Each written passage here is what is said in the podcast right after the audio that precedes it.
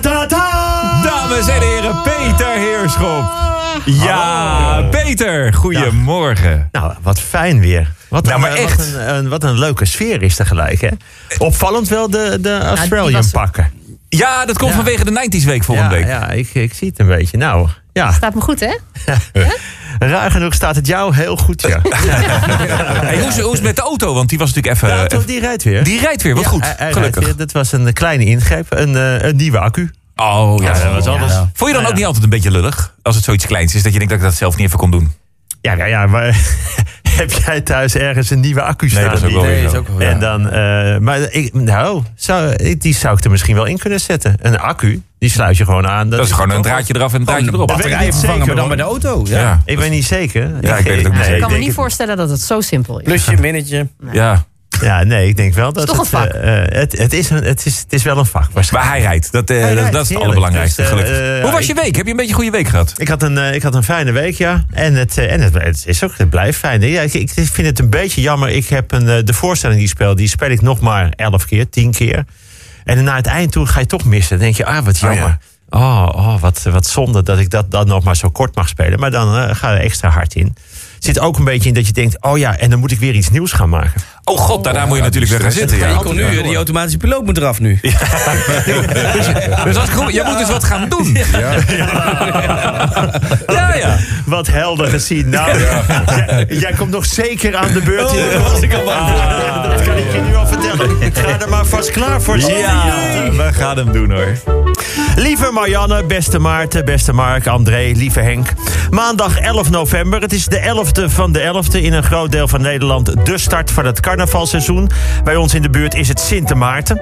Kinderen gaan langs de deuren met lampionnen om in ruil voor een liedje wat snoep te ontvangen. En het fijne van Sint Maarten is dat er helemaal geen enkele actiegroep is om wat dan ook te veranderen.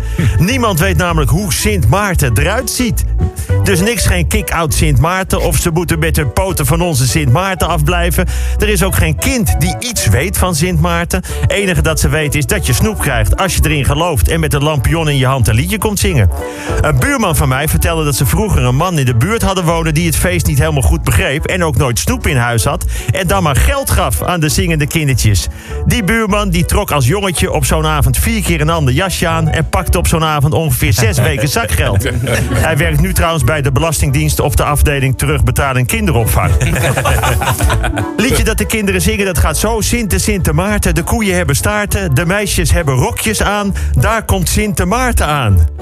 Het is dus gewoon een viezerik. Oude man wacht de hele dag tot meisjes thuis een rokje hebben aangetrokken... en als ze dat zingend laten zien, dan krijgen ze een handje snoep. Kortom, ook aan dit feest zitten nog wel wat haken en ogen. Dinsdag 12 november, het was gisteren ook Vrijgezellendag. Dat komt uit China. De dag kreeg de naam Vrijgezellendag dankzij de vier enen in de datum. Is dus inderdaad een hele eenzame datum. Ben je vier keer alleen. Maar goed, Vrijgezellendag is van oorsprong een dag om met vrijgezellen te vieren... en vooral proberen te regelen dat je niet alleen naar huis hoeft. Vreemd genoeg wordt Vrijgezellendag vooral gevierd door mensen met een vaste relatie. Die zien namelijk de enorme voordelen van vrijgezel zijn. Zoals de hier aanwezige Jelmer het prima verwoordde. Als vrijgezel kun je nog echt denken dat het fijn is om een relatie te hebben. Wie nog beter kan praten over de voordelen van een vrijgezellenbestaan... is de al ruim 12 jaar samenwonende Jelte van de G. Zoals hij het zegt, niet voor niets dat in vrijgezel het woord vrij zit. En als je het Fili- Filipijnse woord voor huwelijk achterstevoren leest... dan staat er gevangenis. Woensdag 13 november. De VVD heeft zich nu ook overgegeven. De maximumsnelheid in Nederland wordt over, overdag verlaagd naar 100 km per uur. Volgens premier Mark Rutte is het de grootste crisis in de negen jaar dat hij premier is. Een crisis in deze heftigheid heeft zich voor hem het afgelopen decennium niet voorgedaan. Kortom, dit is erger dan de bankencrisis, totaal falende belastingdienst, 70 burgerdoden in Irak, de ramp met MH17, het gigantische lerarentekort, de vluchtelingencrisis, overspannen mensen in de zorg, een doodgeschoten advocaat en de scheiding van André Hazes. Want ja, André Hazes heeft een nieuwe liefde. Het is Bridget Maasland. Op de vraag waarom André vooral valt op voor hem veel oudere vrouwen... was zijn antwoord, hoe ouder ze zijn, des te dichterbij... leef alsof het je laatste dag is. maar goed, binnenkort mag je overdag nog maar 100 km per uur. Ik denk dan prima. Het is lang geleden dat ik dat overdag gehaald heb in Nederland. Maar het is een flinke rel. Bij PSV was ook een flinke rel. Trainer Mark van Bommel had het Sinterklaasliedje veranderd in... Wie zoet is, de bus in, wie stout is, het doel. Mark had zijn eerste keeper uit de selectie gehouden. De bedoeling was om Soet te beschermen tegen ongemakkelijke media-aandacht. Nou, dat is niet helemaal gelukt. Donderdag 14 november, bijna 30% van de Nederlanders... heeft zijn telefoonabonnement overgezet naar een ander provider. De reden daarvan is dat het in het algemeen goedkoper is. Het opzeggen van het abonnement gebeurt bij alle providers. Kortom, het is altijd goedkoper om over te stappen bij wie je ook zit. Is toch vreemd? Blijkbaar zijn er overal aanbiedingen voor mensen die overstappen, maar juist niet voor mensen die blijven. Je zou denken dat juist de blijvers moeten worden beloond. Maar nee, juist de weglopers en de nieuwkomers worden beloond. Je krijgt geen korting als je blijft, je krijgt korting als je weggaat. Ja, behalve bij een scheiding, dan, dan betaal je juist het dubbele als je weghaalt. Als eh, al dus de 25-jarige André H. Vanavond gaat een aantal mannen, waaronder Fico Waas, Thijs Reumer en Sander Lantinga, helemaal naakt op tv. Voor het goede doel, prostaatkanker.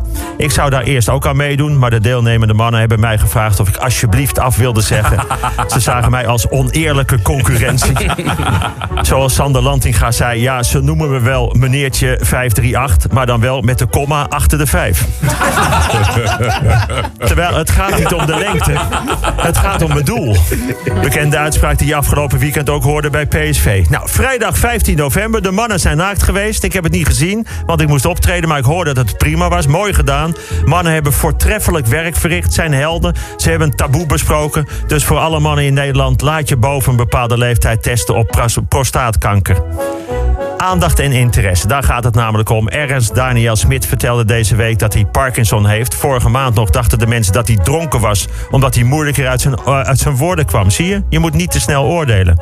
En tenslotte, de trouwe luisteraar weet het inmiddels wel. Er is een campagne gestart om ervoor te zorgen... dat onze eigen Henk Blok komend jaar de verteller mag zijn... bij de Passion in Roermond.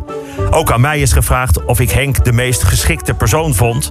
Maar ik heb drie keer ontkend dat ik wist wie Henk was. En daarom is mij nu de rol van Petrus aangeboden.